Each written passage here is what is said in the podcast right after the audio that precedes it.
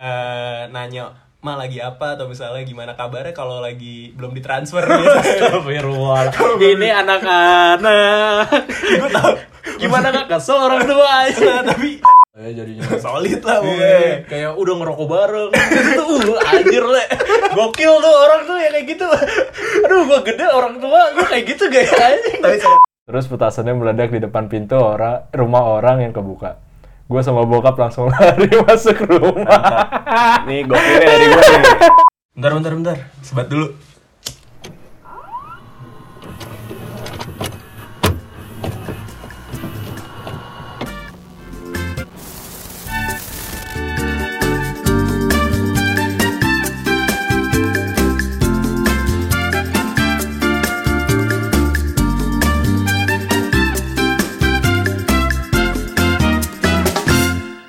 halo semua jumpa lagi dengan podcast duduk sebentar bareng sama gue Edo. Dan gue Irsyad. Ya kita di di Malang. Gimana cuaca le?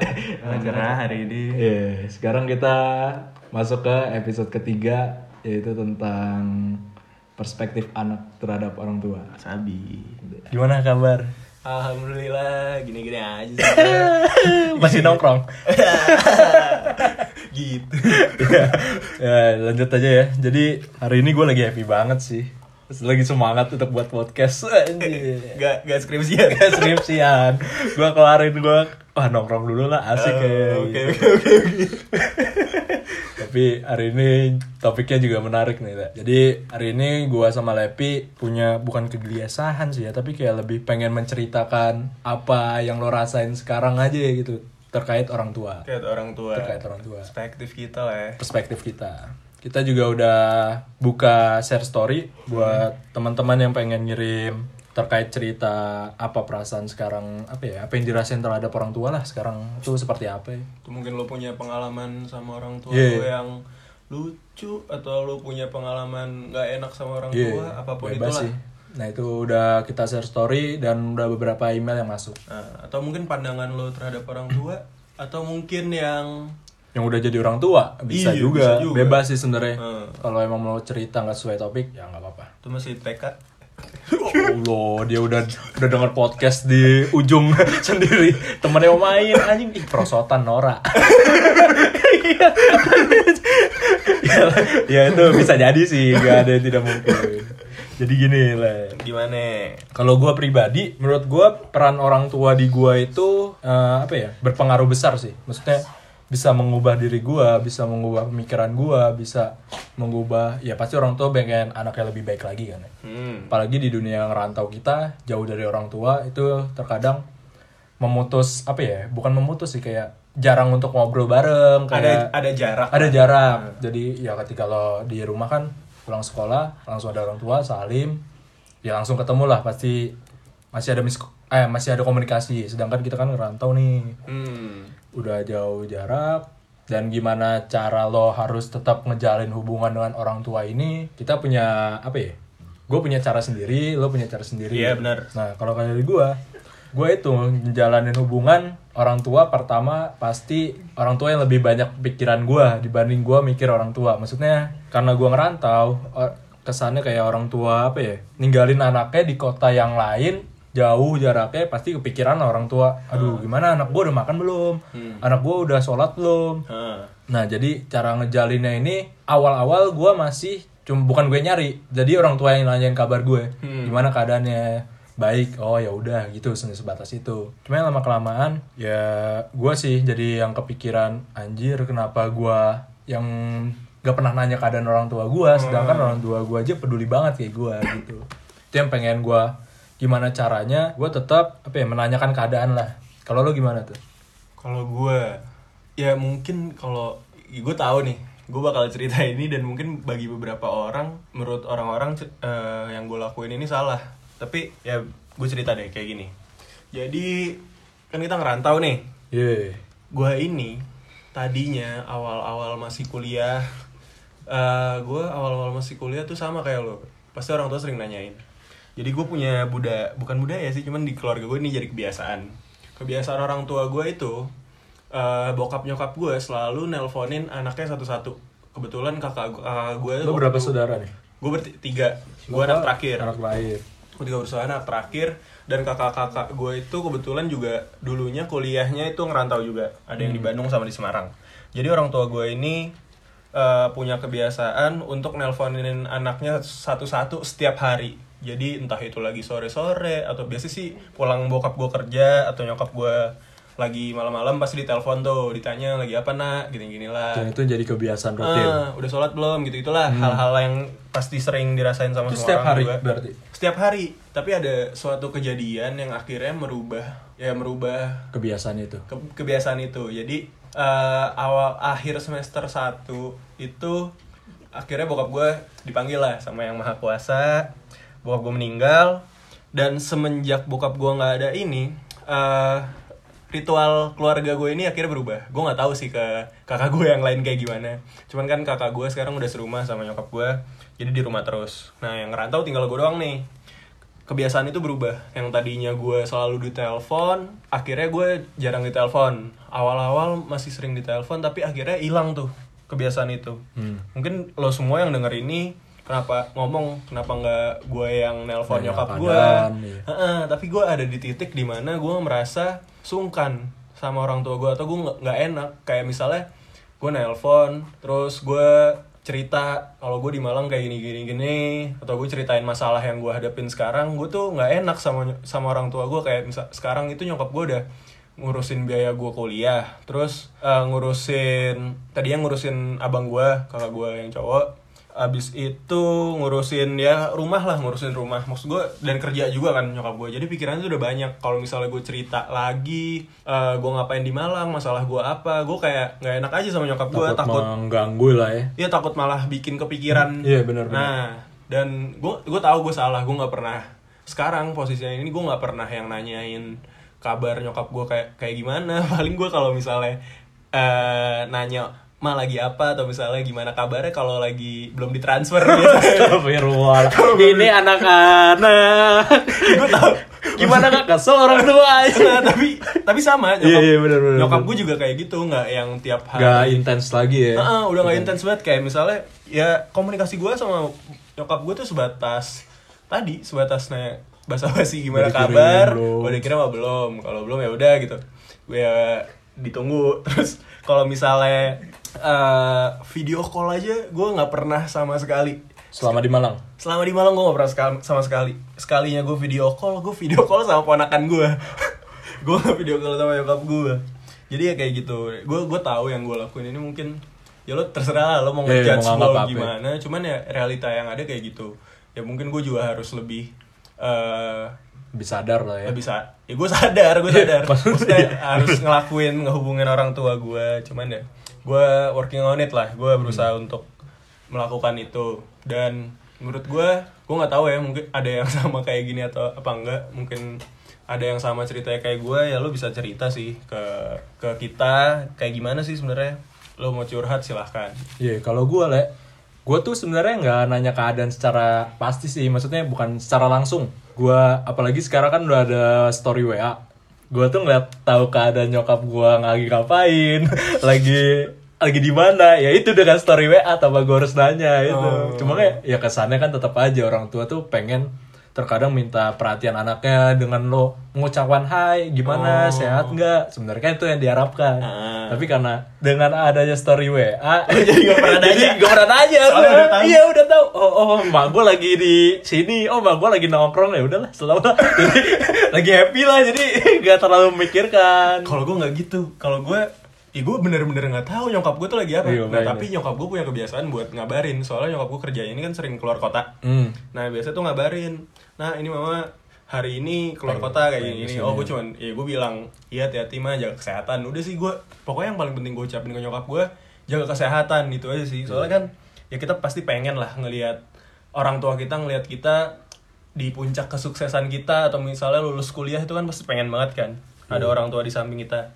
Terus juga gue sekarang ini eh kan di WA kan ada fitur yang kayak misalnya eh, nyokap gue lagi online WA nih Iya, benar. kan kelihatan gitu ijo-ijo gitu ya online now Online terakhir Ah, gitu ya. eh, kalau enggak iya online terakhir jam Hmm. berapa kayak gitu kan nyokap gue tuh setiap gue nanyain kabar tanpa iming-iming minta ditransferin karena namanya anak It's okay, it's okay. it's okay, my friend. Iya.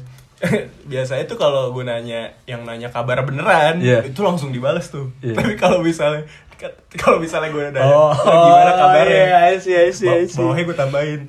Ma jangan lupa transfer. Iya, iya. Gak pernah dirit aja. Karena dia ngeliat tanggal ya.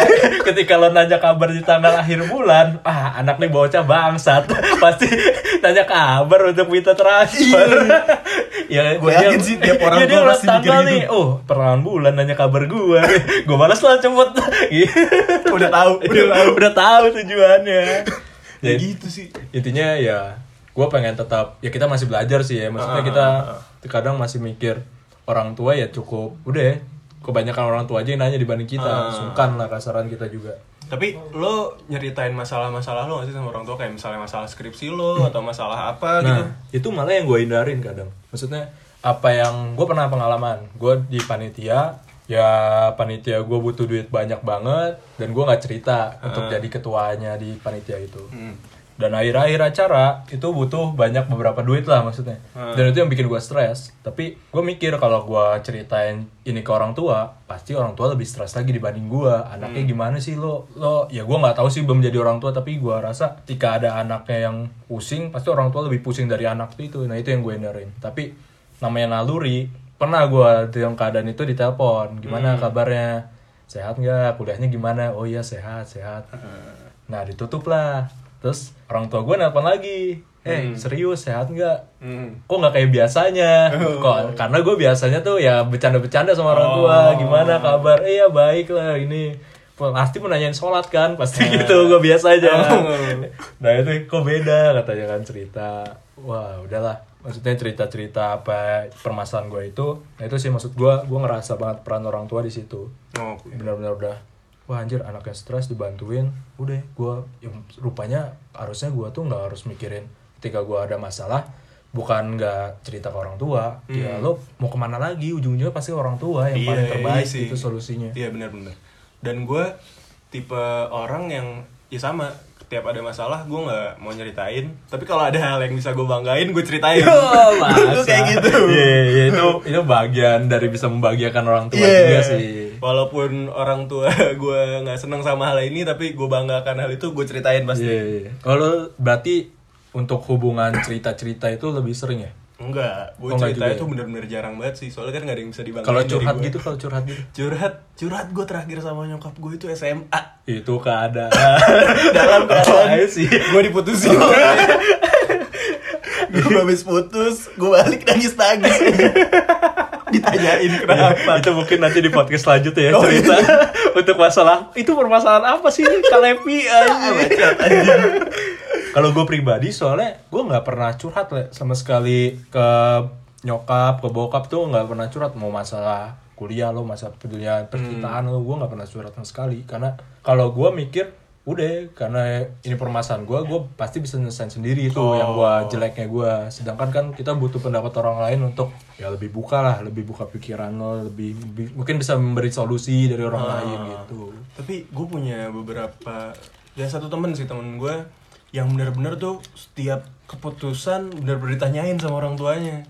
Dan beberapa kali dia nggak ngikutin sarangan orang tuanya akhirnya dia gagal. Ya, sial, sial. Ya sial.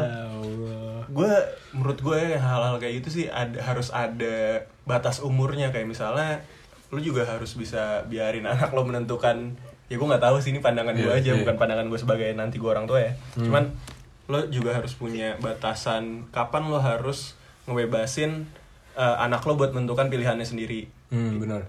Entah itu waktu mau kuliah kayak atau pas udah kerja atau gimana ya. Cuman harus ada batasnya sih untuk anak menentukan pilihannya sendiri terus lo gue mau nanya nih kalau lo di lingkungan keluarga lo nih tuh kenapa? biasanya ngebahas sesuatu apa gitu? Atau pas lagi kumpul keluarga gitu lingkungan keluarga lo ini lingkungan keluarga yang seperti apa ka- gitu? kayak apa sih buat lo kayak gitu? Kalau gua di keluarga gua itu ya keluarga gua apa bokap nyokap Islam lah ya. Eh iya Islam gue Islam.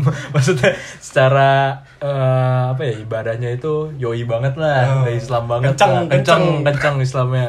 tapi nggak radikal lah alhamdulillah ya itu konteks lain sih ya kalau gue di keluarga gue tuh lebih banyak menceritakan apa ya ya udah pengalaman lo ngapain aja kalau gue di SMA gue balik sekolah itu hampir nggak setiap hari sih maksudnya pasti sab weekend lah keluar bareng makan bareng Hmm. ya udah ceritain udah apa ada masalah apa lagi ngapain aja ikut apa Oh. aja lebih banyak menanyakan itu sih tapi gue bukan curhat langsung Oh. bapak gue lebih kadang juga bercanda-bercanda aja Hmm. udah ngumpul cuma sekedar ngumpul dia bercanda bokap gue juga orangnya bercanda banget anjir kalau di acara kantor dia yang jadi MC bisa lo bay- Icebreaker. bisa lo bayangin dah itu orang tua seperti apa setiap ada acara di rumahnya dia paling depan ayo ngumpul semua ya ngumpul Oh, gitu Berarti orang tua lo ini talkatif banget ya. ya Suka bisa ngomong banget. bisa pasti. dibilang Berarti lo lahir di lingkungan keluarga yang seperti apa tuh? Maksud gue yang benar-benar family banget atau yang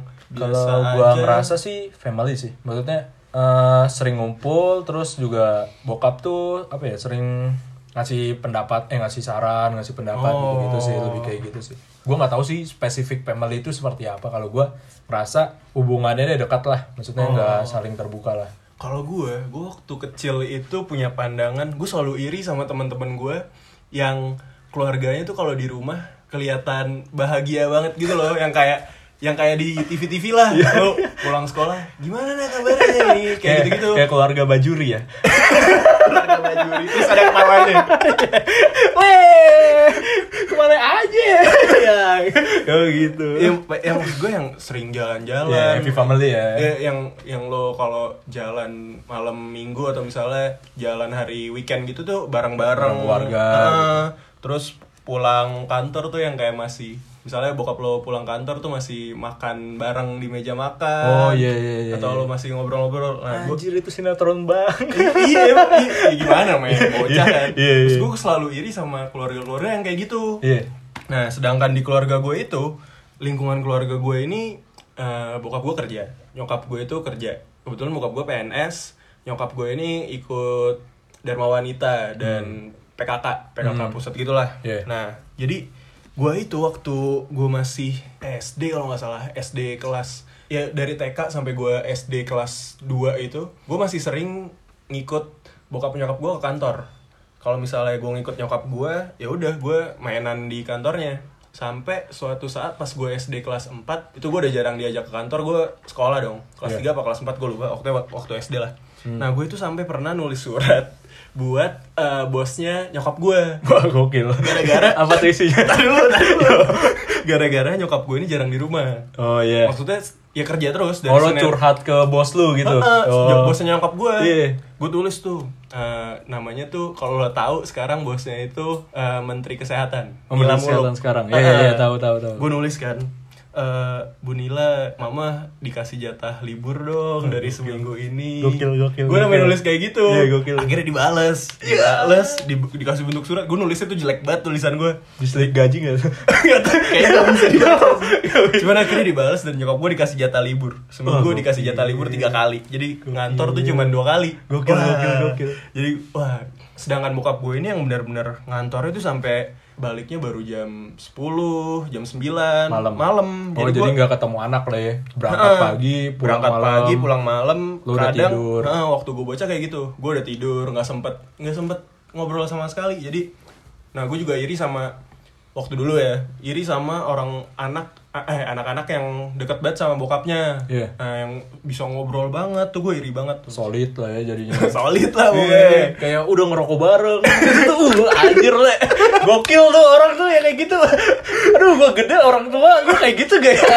Tapi saudara gue ada sih yang kayak gitu. Wah itu ada sama juga. nyokapnya Iya, sebat bareng. Wah temen gue juga gitu anjing Eh mau kopi nggak? Ditanya bro. Gokil cuman cuman kan ya gitu sungkan. Kalau gue iya, sih bener, ngerokok bener. ngerokok ya ngerokok di depan orang tua sih gue sungkan sih. Iya, bener. ya nggak tahu kalau yang lainnya nih ya teman-teman yang lain. Terus gue juga yang tiap weekend tuh gue nggak nggak yang kayak happy family gitu yang suka jalan makan misalnya. Gue paling cuman ya sesekali doang paling Ke Dufan pernah tapi bareng-bareng. Nggak pernah anjing. Gila kali lu ke Kirain. Gak pernah gue Jadi ya udah ya gue akhirnya sibuk sama teman-teman gue sendiri. Iya, iya.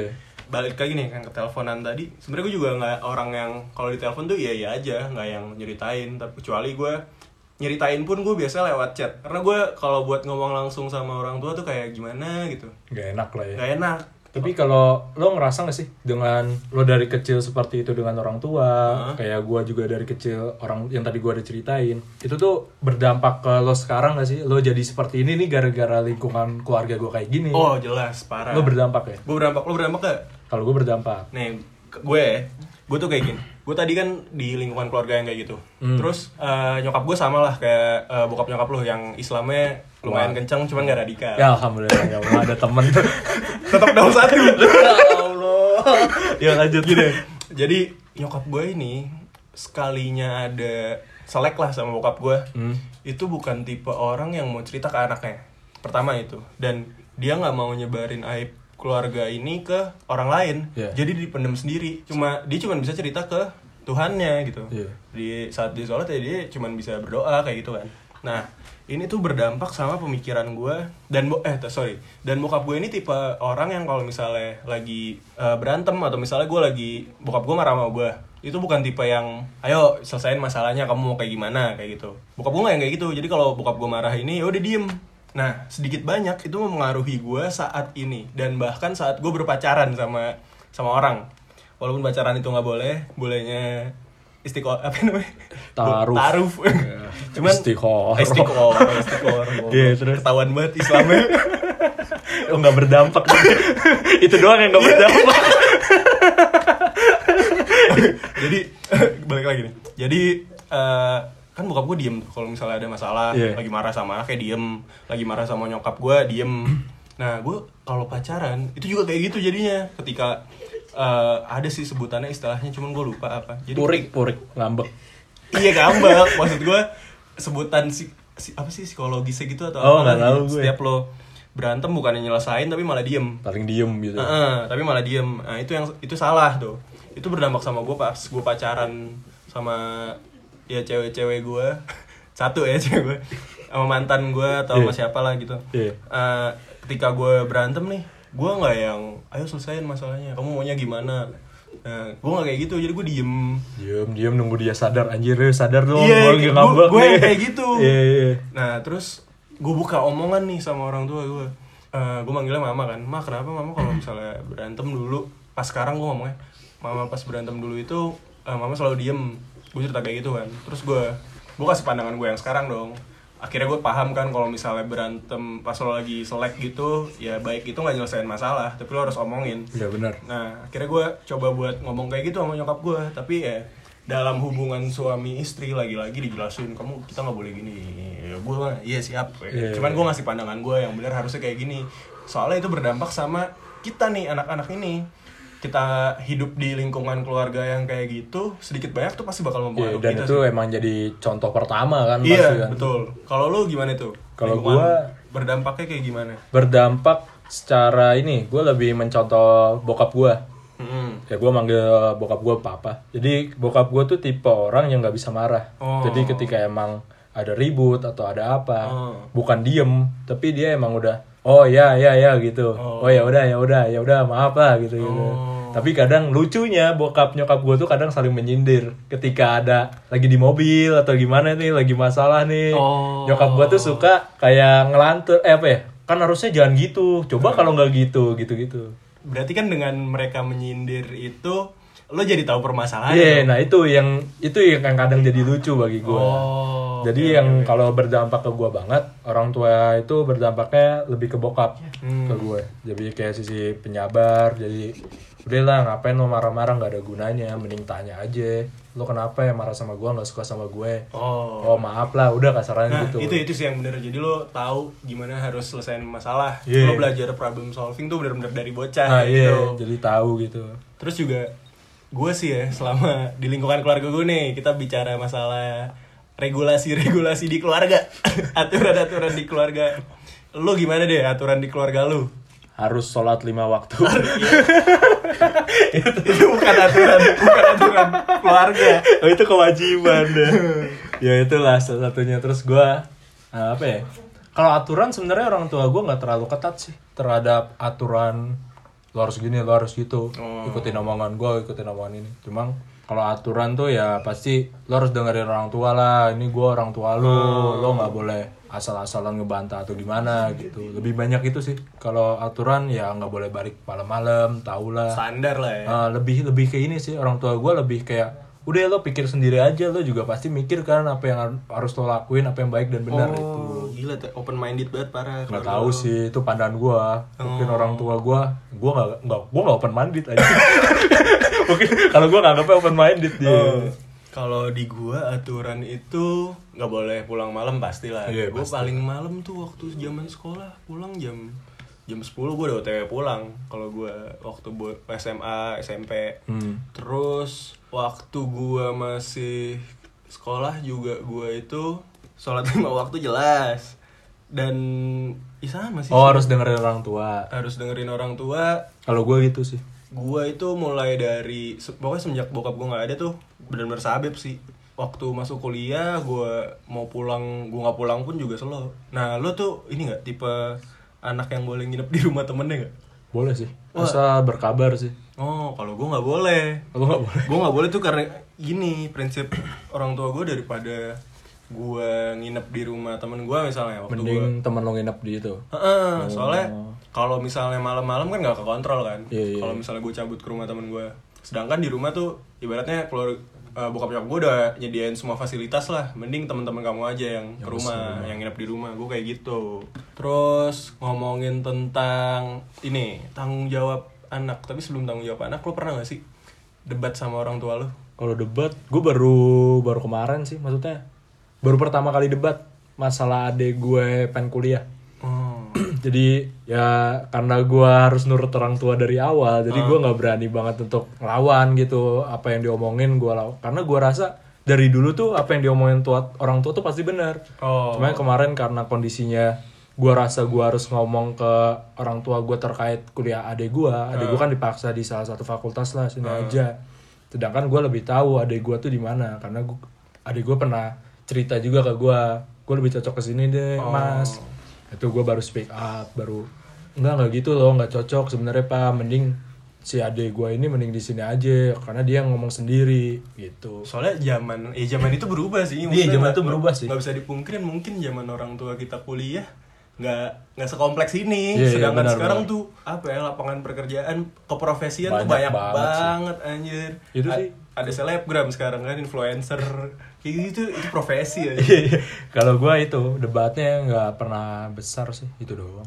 Kalau gue tadi yang terakhir gue debat sama nyokap gue, gue bahas tadi kalau misalnya ya ketika di lingkungan rumah harusnya setiap ada masalah diomongin, nggak yang diem-diem gitu. Terus nyokap gue juga tipenya diem, soalnya itu ngaruh banget ke mental nyokap gue yang tiap ada masalah diem doang. Sedikit banyak pasti eh, kepikirannya itu jadi beban mental beban pikiran akhirnya mentalnya jadi kenapa-napa soalnya gue pernah dengar beberapa cerita yang kayak hal serupa terja yang terjadi di keluarga gue terjadi di keluarga lain dan akhirnya istrinya ini nggak tahu harus cerita ke siapa akhirnya cerita ke ya intinya cerita ke orang yang Pacar lamanya. enggak gitu Yo, gimana? kompleks banget Gimana? Gua cerita ceritanya ya cerita online gitulah Oh, maksud gue akhirnya nyebarinnya secara online Secara umum gitu secara ya semuanya umum. dan orang tuh orang jadi tahu. Eh, iya kayak gitu. Ya. Iya, iya, iya. Jadi itu kan pemikiran-pemikiran bahwa pria lebih dominan daripada perempuan. Sedangkan harusnya kan ya gue bukannya orang yang equality banget nih. Cuman menurut gue pandangan pribadi gue bahwa wanita dan pria tuh harus setara, nggak ada yang lebih dominan. Laki-laki tuh cuma dominan secara biologis, secara psikis ya dikit lah. Cuman secara keseluruhan Sama wanita ya. dan pria tuh sama. Menurut setuju gua. Terus tanggung jawab lo nih, tanggung jawab lo ke orang tua tuh lo ngasihnya dalam bentuk apa sih? Kalau gua tanggung jawab gua tuh ya karena gua sebagai anak posisinya ya sebagai bisa dibilang apa ya bawahan dia lah. Mm. Jadi ya apa yang dia suruh apa yang dia atur ya gue ikutin. Maksudnya tanggung jawab gue yang cukup itu.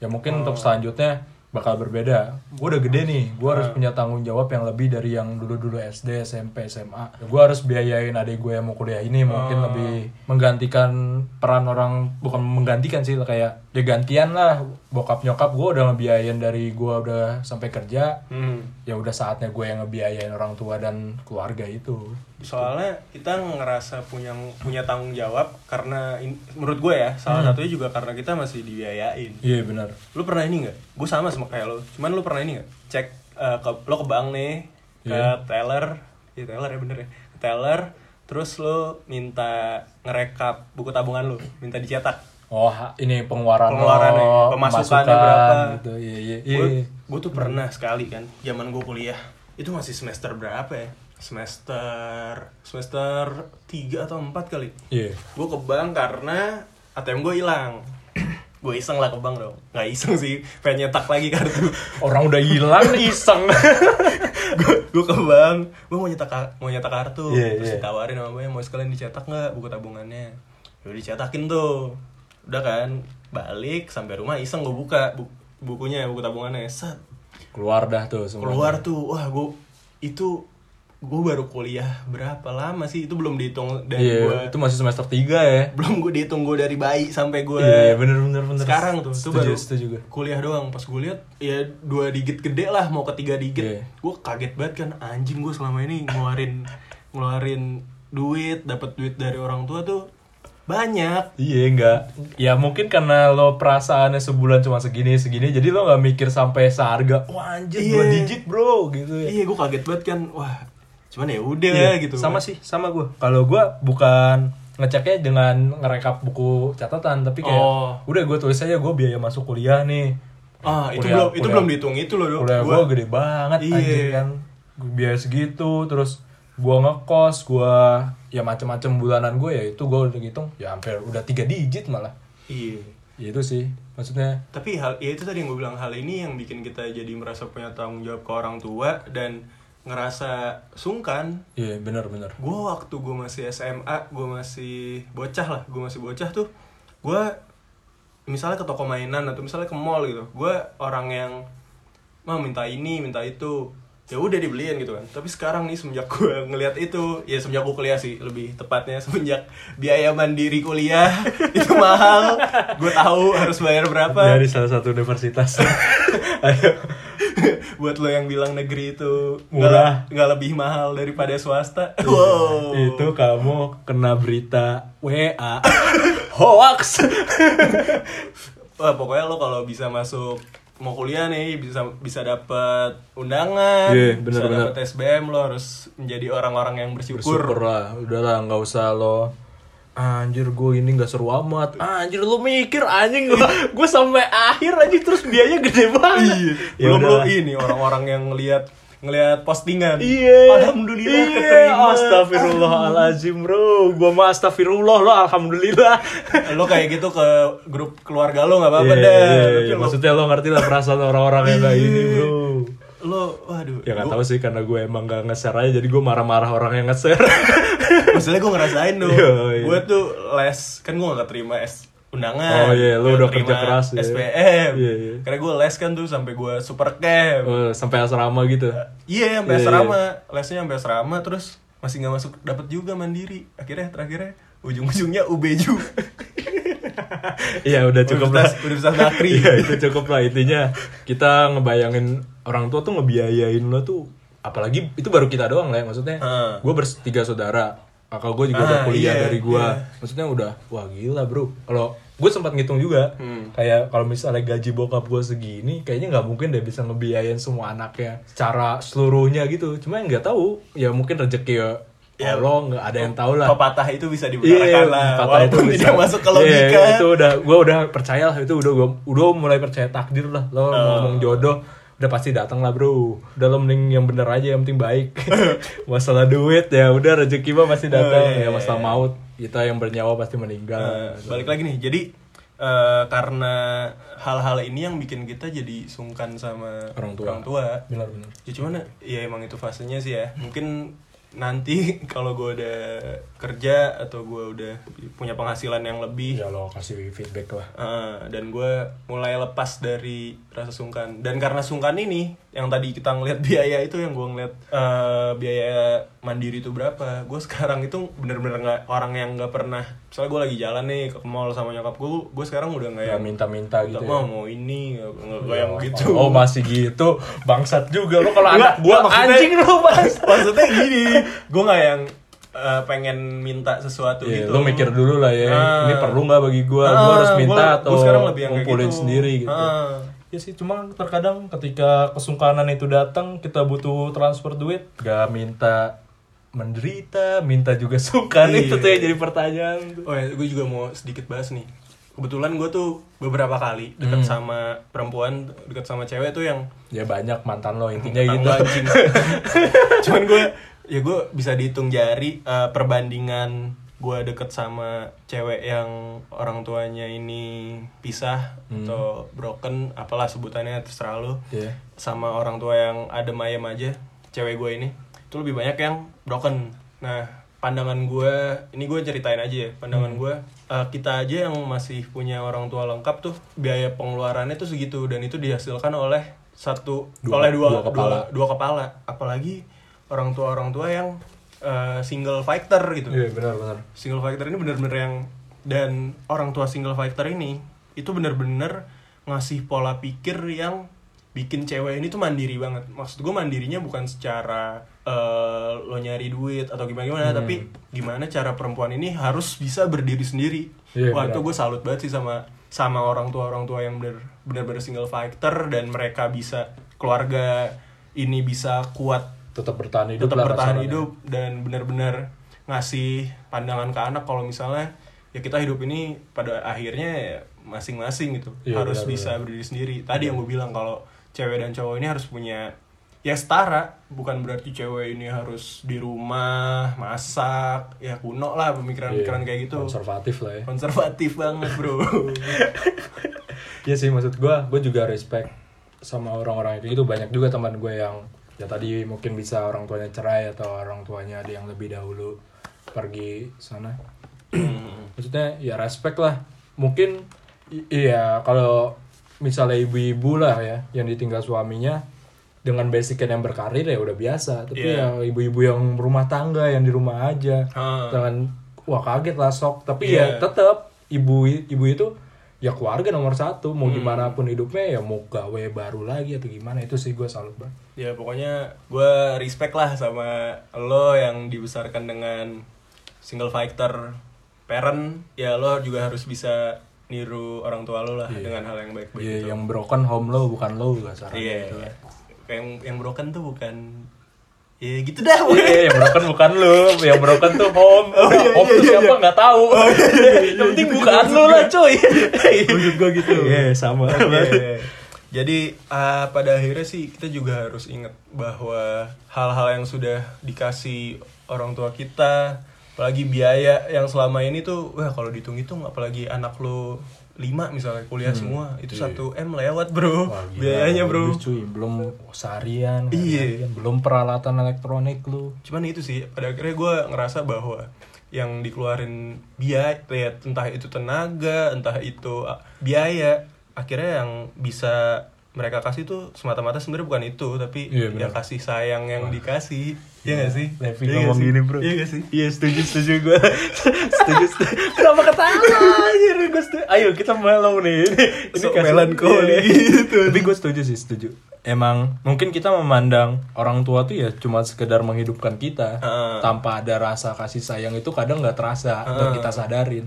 Sebenarnya orang tua tuh timbul dengan melihara lo maksudnya menggedekan lo ya dengan rasa kasih sayang bukan karena duit sarannya gitu. Bukan karena ada duit. Iya bukan Nah, karena ada duit. Tapi karena emang sayang. Iya bener gokil. Ya, I love you, mam. Cah, gitu. Iya, Nis. ya semoga mamanya Levi dengar podcast ini. Lo belum pernah kan ngomong I love you? Ya, Astagfirullah. gue juga belum pernah nih. Yo, I love you, mama. I love you, mama. ya, biar, ya mungkin pengen denger lah, biar Oke. seru ya. Mungkin itu buat kalian yang mungkin masih cuek sama orang tuanya kayak gue. ya itulah lo juga harus ingat Iya. tentang kasih sayang. lo sadarin lah itu lah Munafik banget gue ya. ya nggak apa-apa jadi kita udah sadar Oh iya, lo harus sadar kalau di atas semuanya masih ada keluarga. Iya, bener. Terus juga coba kalau lo emang gak percaya biaya orang tua ngeluarin lo, lo cetak dah tuh buku tabungan lo. Iya, itu. Iya, lo Lo harus- buktiin sendiri dah. Nah. Lo nggak sampai dua digit, gua ah Pasti tiga digit mungkin tiga banget digit mungkin lah, mungkin. Ya cobalah tuh jangan sampai lupa lah orang tua nomor satu. Oke, kita masuk ke email. Yoi.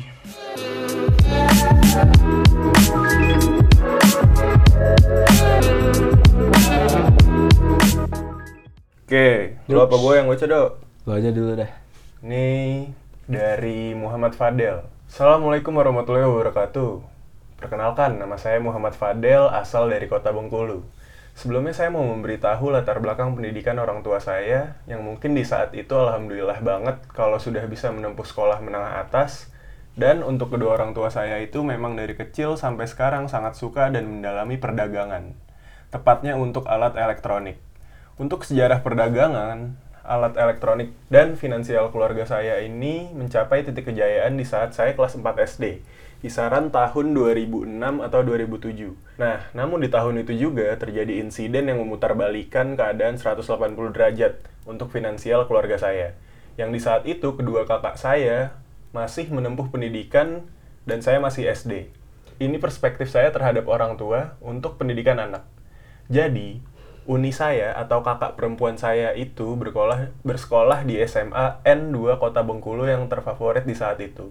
Dan untuk abang saya di SMA N8 Jakarta Internasional. Dan uni saya melanjutkan pendidikan farmasi di UNAN dan abang saya melanjutkan pendidikan di NTU jurusan kimia. Wah, keren nih NTU. Iya. yang yang saya bingungkan adalah mereka dapat uang untuk membiayai pendidikan uni dan abang saya dari mana Hmm. Pemikiran ini pemikiran saya saat kuliah. Di kala sore, saya berdua saja dengan mama saya, dengan kopi di meja dan rokok di tangan. Anjay. Anak senja. saya, senja lagi goblok. saya penasaran dan bertanya. Dan yang membuat saya kagum dan bangga dengan kedua orang tua saya ini adalah mereka meminjam uang di bank untuk membuka bisnis elektronik lagi. Namun ada dana lebih yang di-spare untuk pendidikan anak-anaknya.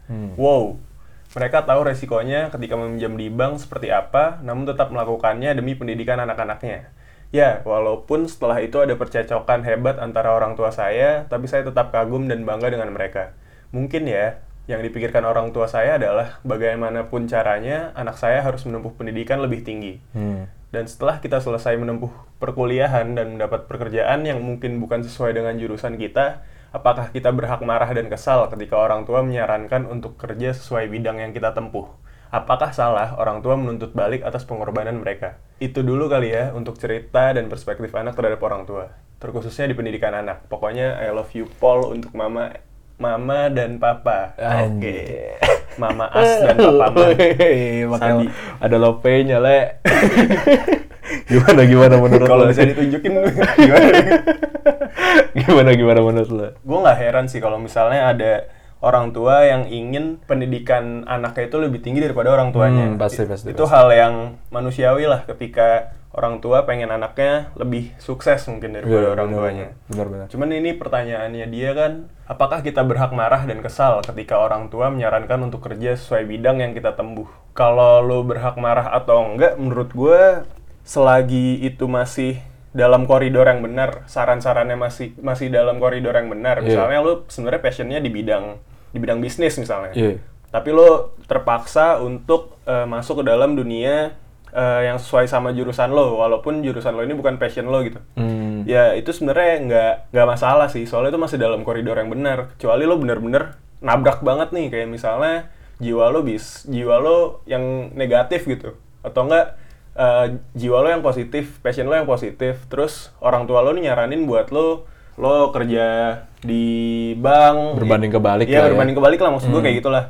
Nah kalau kayak gitu ya baru lo berhak marah. Tapi selama saran dari orang tua lo masih benar dan itu fine fine aja ya nggak masalah sih menurut Iya. gue kalau lo gimana? Kalau gua ini sih lebih kalau marah dan kesal ya itu pasti ada lah dirasa anak kayak dipaksa untuk melakukan yang gak sesuai apa yang dia mau. Maksud gua, tapi lebih baik ya lo kompromi aja sama orang tua lo gimana yang lo pengen tuh apa dan orang tua lo pengen apa dan gua rasa orang tua tuh cuma butuh penjelasan dari lo. Maksudnya Hmm. ketika lo udah jelasin dan orang tua lo menganggap itu cocok dan maksudnya lo seneng dengan itu ya orang tua apa sih yang pengen anaknya bahagia kasarnya Hmm. gitu ya hanya butuh kompromi aja sih dengan orang tua gue. dan dan gak ada yang salah gak sih buat nyenengin orang tua Iya, iya, maksud gua ya mungkin awalan lo senengin dulu dah rasa marah dan kesal lo ya lo pendem dulu lah itu ya udah Iya. wajar gua rasa. pertanyaan keduanya apakah apakah salah orang tua menuntut balik atas pengorbanan mereka Hmm. gimana ya Menuntut balik.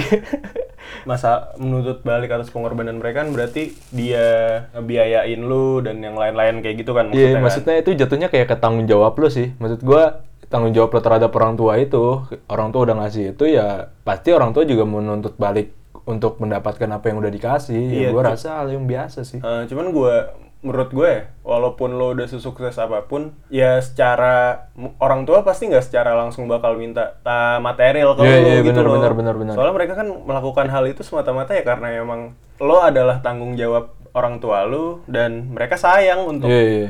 udah ada perasaan itu gitu jadi kalau menuntut balik pun ya nggak salah Ya nggak salah, udah sewajarnya aja. iya dan Cuma mungkin kalau emang terlalu lo berlebihan dan lo nggak suka ya balik lagi kayak udah cukup kompromi aja nggak usah jangan saling membenci lah anjir. Ya cuman keren sih cerita lo. Orang tua lo bisa nguliahin kakak lo di NTU. Itu menurut gue sabi banget. Dan berarti keluarga lo kan udah mulai dari dari kakak lo yang cowok itu kan udah kuliah eh udah SMA-nya di SMA 8 Jakarta. Iya, Berarti kan iya, udah terbiasa untuk merantau, berani ngelepas anak itu Iya, juga iya, udah iya. Udah keren mempercayai ke anaknya juga sih ya. Iya. jatuhnya. Oke, thank you banget Muhammad Fadel. Ditunggu cerita-cerita lainnya. Anjir.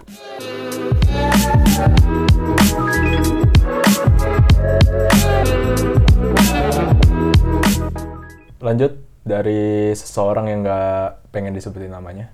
Judulnya Keluargaku. Gue awali cerita keluarga gue dimulai ketika gue belum ada. Bokap sama mama gue dulunya pacaran. Bokap gue orang miskin yang bekerja serabutan. Mama gue pekerja yang harus biayain keluarganya untuk sekolah. Suatu ketika mama bilang ke bokap, kalau emang serius nikahin minggu depan karena ada orang lain yang mau ngelamar. Di situ, bokap gue ketar-ketir sedih dan disupport sama teman-temannya untuk berani nikahin padahal bokap gak punya uang sama sekali. Akhirnya, segala bentuk persiapan nikah adalah pemberian dari temannya. Mereka nikah deh. Di sini, gue nekenin kalau bokap bisa hidup dari dulu sampai sekarang karena berdasarkan teman-temannya yang baik karena hidupnya bergantung kepada pertemanannya. Gokil. Ada gokil. Gokilnya dari dia ya, bukan dari kita ya. ada banyak keja eh, lanjut. Ada banyak kejadian di mana gua bersama bokap gua ngelakuin banyak hal. Gua pernah mancing sama bokap di tengah laut, kemudian kapalnya bocor dan mau tenggelam. Dan teman bokap gua nangis karena takut sedangkan bokap gua cuma makanin udang umpan mancing. ya. Gue pernah sama bokap main petasan pas habis sahur. Terus petasannya meledak di depan pintu orang rumah orang yang kebuka. Gue sama bokap langsung lari masuk rumah. Nih gokilnya dari gue nih. Gokil. lanjut lanjut. Bokap gue ini orang yang lambat. Kalau bawa motor ya 30 km per jam. Lah, lah stabil. Makanya gue suka males dibonceng. Dibonceng tapi tiap gue dibonceng dia pasti a- aja ada ngeledekin orang-orang di jalan. Dan itu lawakan yang sangat dark. Kayak gini contohnya. Ini contoh bapaknya nih. Iya. A, lihat ge. Orangnya sombong banget, sosokan. Mana pak?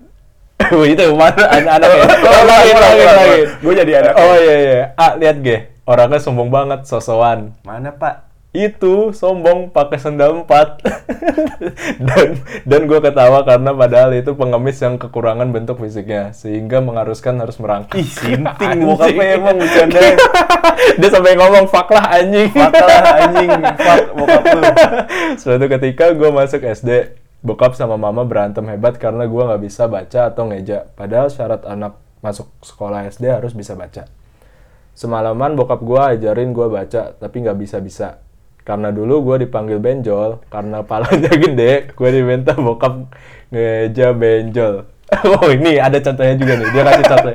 Ngejanya cara, eh bokapnya cara ngajarin ngejanya. B, E, B, B, eh gimana lu? Gini, gini. Gue coba. B E B.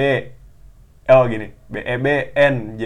dia aja dia aja salah ketiknya Iya, ya ini nih B E B N J O J Jol benjol. Ya boleh boleh. Itu adalah kata pertama yang bisa gua baca atau eja. Bokap gua berhasil. Sampai suatu ketika gua besar dan mulai jauh dari bokap karena gua sibuk dengan tongkrongan terus. Akhirnya gua jarang ngobrol lagi sama bokap sejak SMP. Karena ketika gua berangkat pagi untuk sekolah, bokap juga untuk kerja. Ah, karena ketika gue berangkat pagi untuk sekolah, bokap juga untuk kerja. Kemudian gue pulang sore, bokap pulang maghrib. Ketemu itu pas habis maghrib, tapi pas tapi habis maghrib tapi habis maghrib gue udah cabut lagi dan kondisi pulang orang tua udah pada tidur. Hmm. Ketika bokap nangis di depan gua karena gua ketahuan rokok sama dia dan dia sejak hari itu berhenti ngerokok sampai sekarang sedangkan gua masih dia ketawa. Ketika gua memergoki dia selingkuh sama orang lain, itulah fase-fase jauhnya gua sama bokap. Gua hanya bener-bener ngobrol sama bokap yang beneran seumur hidup hanya empat kali. Ketika gue SMP mau masuk SMA, ketika gue SMA mau ambil IPA atau IPS, ketika gue mau buka usaha nanti, dan ketika gue patah hati, beliau walaupun jarang tapi berpengaruh di hidup gue kata-katanya. Gue masih ingat ketika dia sakit ke katarak dan karena orang jadul takut dioperasi, dan gue bilang, ya udah, gue pulang, gue temenin dan akhirnya dia mau. Gue pulang dari Malang Cilegon untuk nemenin dia operasi doang. Ketika gue kuliah, gue lebih baper ke keluarga gue, mulai dari gue kadang nangis sendiri ketika ngeliat mereka tidur lebih sore, lebih dini dari biasanya. Karena gue rasa mereka kecapean karena aktivitasnya sampai ketika bokap udah nggak punya orang tua dan saudara dekat lagi. Di situ gue merasa laki-laki ini sangat kuat, tapi gue nggak bisa bilang gitu ke dia. Gengsi, Bokap adalah orang yang ngajarin gua untuk apa adanya. Tidak perlu takut berpendapat. Gak usah takut sama kasta, kayak miskin sama aja, jahat baik sama saja, dan mereka tahu adalah anugerah dan, dan menjadi eh, tahu. dan menjadi tahu adalah anugerah dan pernah adalah indahnya. Segitu aja cerita gue bro. Gue pengen ceritain nyokap sih, tapi gue lagi nggak mau nangis. Thanks, Do dan Lepi. Sabi, sabi, sabi, sabi. Bokap lo mantap lah. Fuck lah anjing. Fuck lah anjing. Anak aja ngomong sendiri ya ke bokapnya paling Cuman cinta. ini sih yang yang gue yang gue garis bawahin ya. Hmm. Dia ada fase di mana dia malas lagi eh di mana dia malas ngobrol sama Bokapnya bokapnya lagi. lagi karena suatu kejadian. Iya. Mungkin tuh hal yang sama terjadi sama gue ketika kalau gue kejadiannya pas bokap gue meninggal. Hmm. Cuman di sini case-nya si orang yang nggak mau disebut ini karena ada suatu kejadian gitu loh. Akhirnya Hmm. yang bikin mereka ada jarak. Iya. Mungkin itu juga sih yang terjadi sama gue. Cuman kalau eh ya cerita lo cerita lo gue salut lah. Maksud gue lo punya kedekatan khusus sama bokap lo di masa kecil gitu. Yang sebenarnya kalau gue pikir-pikir, gue nggak pernah merasa inget gue punya kenangan-kenangan Iya, iya, benar, benar, yang, benar. yang apa ya yang, yang akhirnya akhirnya nempel sama Iya mungkin ada ya, cuman kita jadi malah nggak ingat. gitu. iya iya kalau lo kan ya fuck lah anjing bokap lo fuck lah anjing pokoknya Emang kejadiannya langka sih mana ada Iya orang sih, masa lo main pasar sama bokap ya maksud terus lari bangsat. Cuman yang ngatain orang Boleh, boleh. orang ini parah banget sih. Iya. ya, Ya, iya. gimana dok lo dok? Ya kalau gue rasa dia emang pengen cerita aja sih pengalaman dia terkait kedekatan dengan bokapnya, pengalaman dia kenapa jauh dari bokapnya Ah. ketika lagi deket-deketnya. Iya. Cuman ya itu sih maksudnya pasti kita semua ngerasain fase di mana kita jauh dari orang tua pas kita lagi asik-asiknya punya tongkrongan. Iya sih. benar benar benar. itu nggak bisa dipungkirin cuman kalau misalnya lu ada masalah tadi yang akhirnya bikin jarak antara lu sama bokap lu ya gue mau mau gimana pun ya itu tetap bokap lu sih Iya benar benar benar. gitu selagi maksudnya selagi lu masih punya orang tua yang lengkap ya jangan dicuekin atau mungkin ngobrol ya udah ngobrol aja Mungkin bokap lo juga pengen mengasih tahu ya klarifikasi Hmm. sesungguhnya. Mungkin itu kan karena perspektif lo doang. Iya. gitu. Mungkin aja ya, gue nggak tahu. sih. but it's okay It's okay mas friend. thank you banget buat Seorang lo. yang di sana. Iya.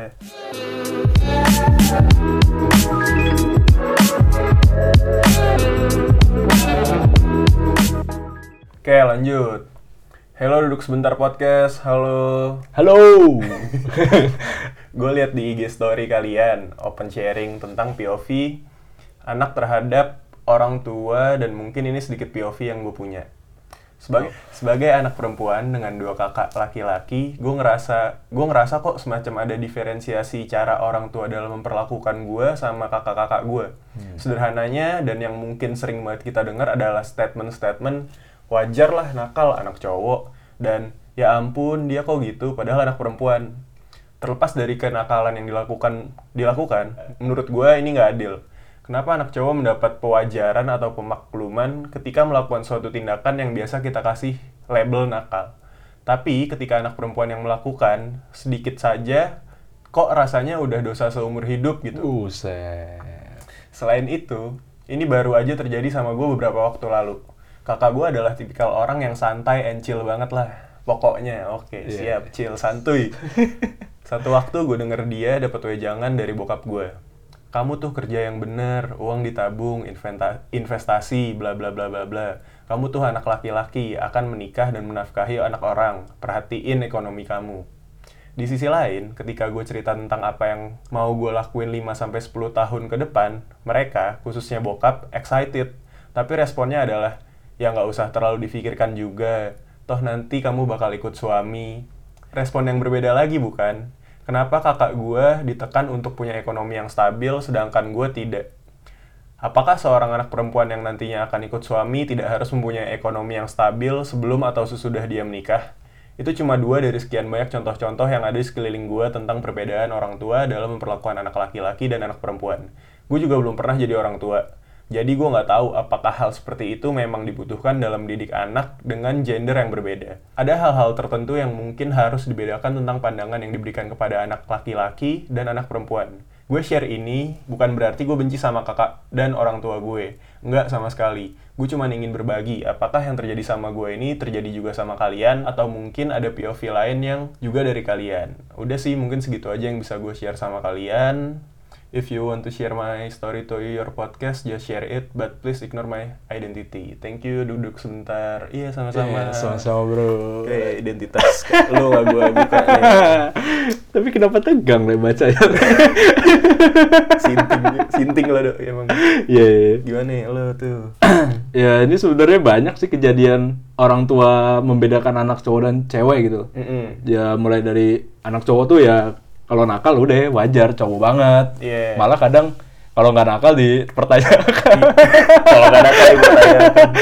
Nggak maksud gue kayak ya jadi hal yang wajar emang gue setuju sih banyak orang tua yang menganggap di gua pun juga gitu maksudnya ketika gua Tapi lo ada saudara kakak gue cewek. Oh, iya. Nah, jadi kalau gua maksudnya pulang malam banget ya udah suatu yang wajar. Sedangkan kalau cewek kan pasti ditanya-tanyain banget gitu. Lo dari mana? Iya. Ngapain aja?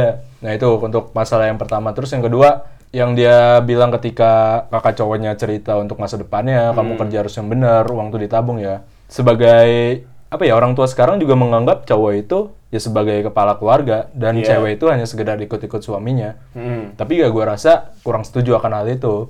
Karena sekarang gue rasa juga cewek tuh banyak yang ber- lebih memilih berkarir daripada di rumah tangga doang dan Iya. ngikutin suaminya doang gitu. Hmm. Dan eh maksud orang tua lo ini juga baik sih, maksudnya ya udah nggak nggak usah dipikirin banget, maksudnya Hmm. udah tenang aja, setidaknya bukan berarti lo harus ikut suami lo banget, tapi ya udah nggak harus dipikirin banget, Hmm. lo setara bebas. Tapi ya itu bukan tugas lo yang utama, Iya, utama, iya. utama lo ya anak lo dan keluarga lo, nggak usah Ah. mikirin terkait "Ah, nanti gimana ya ekonominya ya, maksudnya Ah. gimana? Itu bagian dari suami lo. Gue sih menganggapinya seperti itu. Kalau gue berpendapat kayak gini. Jadi ada beberapa pendapat mungkin yang bisa gue kasih dari beberapa sisi. Hmm. Yang pertama dari sisi eh, kultur.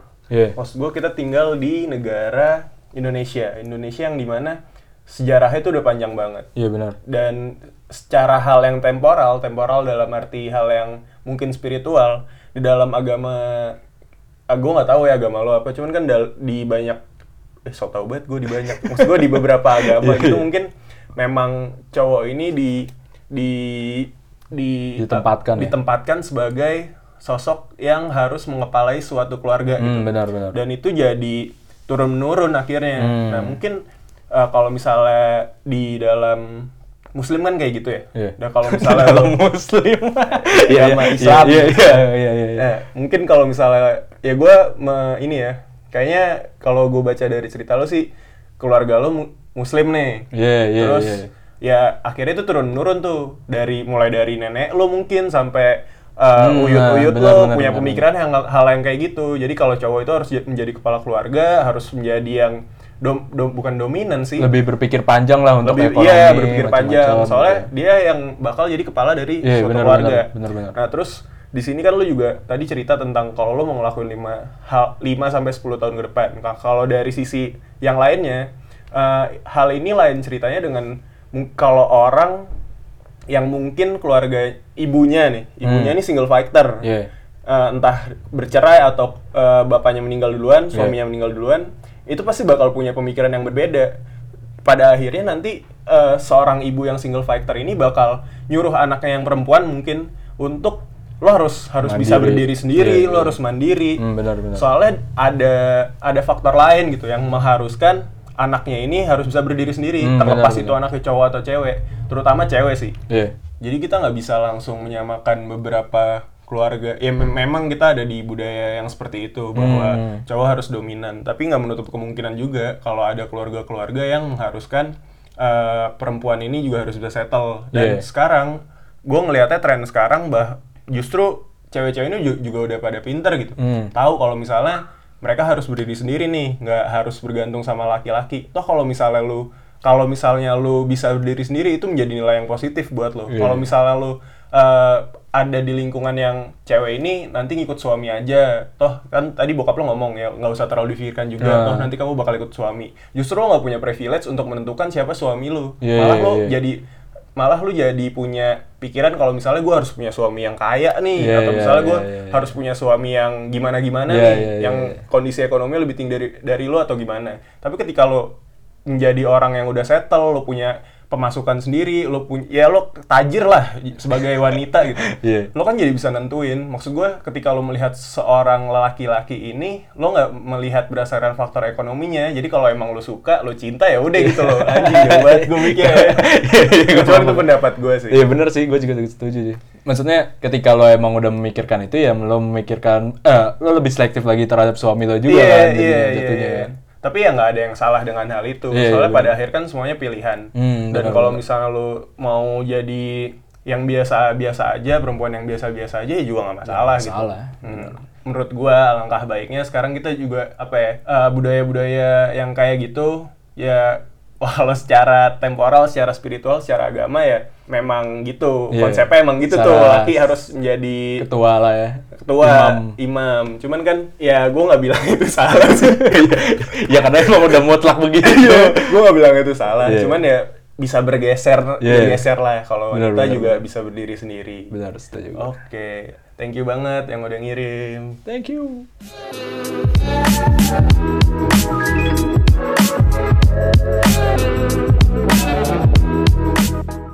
Ya, lanjut dari seseorang yang tidak ingin disebutin namanya. Banyak banget yang gak pengen disebutin ya. ya, biar apa sih Gak apa-apa tapi gak apa-apa.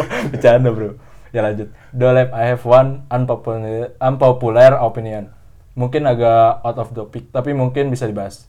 Jadi begini, makin ke sini gue makin risih sama orang tua yang terlihat seperti menjadi anak, menjadikan anak sebagai investasi mereka. Menurut gue, anak tidak boleh dijadikan investasi bagi orang tua. Karena kalau udah gitu berarti orang tua udah mengambil hak si anak dari awal hidup sampai mungkin si anak meninggal. Anak tidak minta untuk dilahirkan, tapi kenapa anak harus menjadi apa yang orang tua inginkan? Kenapa anak harus mengiyakan jodoh dari orang tua? Kenapa anak harus menanggung beban keuangan orang tua? Kenapa anak harus membahagiakan orang tua dan lain-lain? Soalnya menurut gua, orang tua itu seharusnya bertanggung jawab 100% terhadap anak. Karena orang tua yang ingin an- ingin anak tersebut muncul di dunia ini tanpa sama sekali ada persetujuan dari anak. Anak nggak tahu apa-apa, tapi diminta memenuhi keegoisan orang tua. Kasihan anak. Ini beda loh ya. Case-nya sama misalnya anak yang diadopsi sama orang tua lain. Lalu si anak ini kehidupannya jadi lebih baik. Si anak itu baru harus bertanggung jawab ke orang tua sebagai bentuk terima kasih. Gila keren juga ya email gua. Yo, Ya, gila. diri sendiri. ya itu pendapat gua sih. Kalau menurut kalian, tujuan yang benar bagi orang tua untuk punya anak tuh apa? Oh di sini nggak nggak ada benar salah sih yang salah cuma kayak gosan orang-orang yang memaksa opininya ke orang lain anjir Iya. malah quotes yang bagus Opini lo maksa nih. gimana gimana le Cuman di bawahnya tuh dikasih disclaimer. apa tuh Eh, kalau mau jawab, tolong jangan bawa-bawa agama ya. Soalnya biasanya agama bikin orang males mikir. Udah dapat jawaban shortcut soalnya. Yo, alah. Oke, kita nggak ngomongin agama, kita ngomongin agama lain aja. Eh, gimana, gimana menurut lo? kalau gue nih, boleh nggak sih misalnya orang tua menjadikan anaknya sebagai investasi? Hmm. Kalau misalnya kayak gitu, gue bisa ngasih contoh yang paling gampang. Anak tidak boleh dijadikan dijadikan investasi bagi orang tua nih ya. Tapi lo bisa ngelihat nih, misalnya Raditya Dika. Iya. Anaknya dari lahir udah jadi investasi buat orang tuanya kan anjing. Udah dibikinin Iya, iya, iya, iya. lalala. Iya, Ya iya. kita nggak pernah tahu entah itu duitnya nanti buat anaknya Iya, atau iya, gimana. iya, iya, Karena iya. kan udah dijadiin konten. Iya, iya, iya. Anak ini kan nggak tahu nih, belum belum belum paham lah Iya. haknya. Soalnya masih masih Iya, bayi. iya, anjing, mau diapain bayi. aja nurut ya Iya. kasarannya. Dan kalau misalnya pendapat gua ketika memang eh, anak boleh nggak sih jadi investasi bagi orang tua? Ya lo mandangnya jangan sebagai investasi. Menurut gua orang tua itu pasti pengen yang terbaik buat anaknya. Benar, benar, Jadi kalau misalnya pilihan hidup lo misalnya untuk menjadi A tapi orang tua lo berpikiran B, mungkin memang ada pemikiran-pemikiran orang tua yang lebih memahami hal itu. Hmm, kalau misalnya lo jadi A ini bisa berakibat fatal lo Iya, iya, iya. dengan pengalaman-pengalaman orang tuanya ini Hmm. dan akhirnya lo diarahkan untuk ke B bukan berarti hak lo di sini hilang Hmm. kalau menurut gue ya eh, tergantung kan lo punya orang tua yang otoriter ataupun atau lo punya orang tua yang masih bisa diajak diskusi gitu. Iya, iya. ya beruntunglah lo kalau misalnya punya orang tua yang bisa diajak diskusi. Dan akhirnya kan pilihan-pilihan itu bisa dicari jalannya dari A ke B akhirnya jadi C gitu loh. Dan rasa in- kan tadi lo nyontohinnya kalau misalnya lain lain hal dengan anak yang diadopsi. Nah itu otomatis anak adopsi ini harus bisa ngasih Feedback. feedback ke orang tua yang nga- ngeadopnya. Iya, iya. Lah ini halnya sama aja kayak anak yang peng yang anak yang pengen diadopsi kan nggak nggak pengen dilahir apa ya sebutannya lo tadi ngomong anak anak itu kan nggak minta dilahirkan Oh. ya sama lah dengan Iya, anak yang di yang diadopsi dia kan nggak berharap untuk dilahirkan sama orang tua yang mau ngebuang dia gitu loh. iya, iya, benar, benar. nah jadi ketika emang lo lo kan juga nggak ngarep dilahirin nih misalnya ya tapi lo lahir dengan orang tua lo yang mungkin punya tanggungan beban keuangan dan akhirnya itu ngerembet ke lo bentuk terima kasih lo karena lo udah dibesarkan ya lo dengan ngebantu itu dong. iya, iya. kalau misalnya lo berpikiran lo terlalu harus individu banget tapi lo nggak mikirin orang tuanya orang tua lo gitu lo ngapain ngapain? Ya kalau misalnya lo nggak dirawat dari bayi lo mau gitu kan? Nggak mau kan? Lo lo udah bayi mau ngapain juga kalau nggak ada orang tua lo. iya. Dan akhirnya kan ya lo t- mungkin terlalu menurut gue nih sorry kalau gue salah ya cuman kalau menurut gue lo terlalu terlalu berpikiran sebagai orang yang individual banget Iya, kalau gua kalau kita nah, rasa begitu sih ya. nah, padahal lo juga harus tahu sebenarnya ada kasih sayang dikasih Iya. sama orang tua lo gitu loh mungkin selama ini beban keuangan itu karena ngebesarin lo dan akhirnya kan semua ini bentuknya prioritas gitu dong Hmm, benar. orang tua lo pasti selalu memprioritaskan lo gitu dan harusnya duit gaji dia bisa buat invest tapi gara-gara ada lu gara-gara ada lu duitnya jadi buat lu Iya gitu itu kan. kadang yang anak-anak nggak tahu gitu. Ah. Dia menganggap dirinya wah orang tua mah terlalu pelit atau Iya. apa. Sedangkan orang tua tuh sampai menghilangkan hobinya mungkin ya untuk Iya. anaknya sendiri Ah, gitu. lo gimana tuh udah. Udah, gua Kalau udah. Susah ya. iya. Kalau dari gua sih sebenarnya ya kayak orang tua menyarankan untuk pilih ini, pilih itu, ya gue setuju. Bukan berarti orang tua itu mencabut hak lo untuk hidup atau memilih sesuatu. Maksud gua Hmm. orang tua itu mempunyai pengalaman lebih dari lo. Hmm. Mungkin secara ilmu lo bisa lebih dari orang tua lo. Maksud gua ya orang tua itu ya pasti yang terbaik lah untuk anaknya. Mungkin dia udah pernah merasakan ini dan pernah mencoba itu terus eh jangan yang itu udah ini aja. Maksud gua secara itu mungkin berupa saran, Iya. bukan berarti dia menarik hak lo untuk memilih itu, memilih yang mana yang terbaik buat lo. Tapi ya gue rasa orang tua tetap harus lo denger sih, jangan sampai lo memikirkan, mungkin lo hilangin dulu nih kayak anak itu sebagai investasi, Hmm. dan orang eh gua rasa orang tua juga nggak berpikir secara kasar mungkin ada tapi gua ra- gua belum pernah dengar sih maksudnya Kecuali orang tua lu siapa Kim Jong Un mungkin apa siapa gitu. Baru tuh lo ngomong kayak gini dah. Iya, aduh, gua nggak pengen lahir di Korea gitu. Ah, kan? di Indonesia aja asik. Iya, maksud gua kayak jangan sampai lo berpikir kalau orang tua lo tuh kayak mempergunakan lo banget, Iya. maksudnya memanfaatkan lo hid- lo hidup nih dimanfaatin lah. Nanti gua tua biarin dia aja ngebiayain gua. Maksud gua cobalah hilang-hilangin pikiran kayak gitu. Ya orang tua apa sih yang dipengen juga bahagiain anak jangan cara-cara mungkin yang gak lo ketahuin Ah. kayak masa keuangan tadi Iya, iya, bener. Terus dia nanya juga nih, kalau misalnya, kalau menurut kalian tujuan yang benar bagi orang tua untuk punya anak tuh apa? Tujuan yang benar. Gue bisa sedikit bercerita sih, kalau misalnya agak, mere- agak melebar soal ini ya. hmm, hmm. Jadi gue sempat baca jurnal, jurnal ini dari penelitian di Swedia. Nah, penelitian di Swedia ini meneliti beberapa pasangan, kurang lebih 13 pasangan, Iya. kenapa mereka menikah dan pengen punya anak. Iya. Nah, tapi budayanya di Swedia itu kebanyakan sebutannya itu cohabit. Cohabit jadi eh, budaya-budaya men- eh, pacaran bukan pacaran sih punya anak dulu baru, Baru menikah. menikah. Nah, Ah.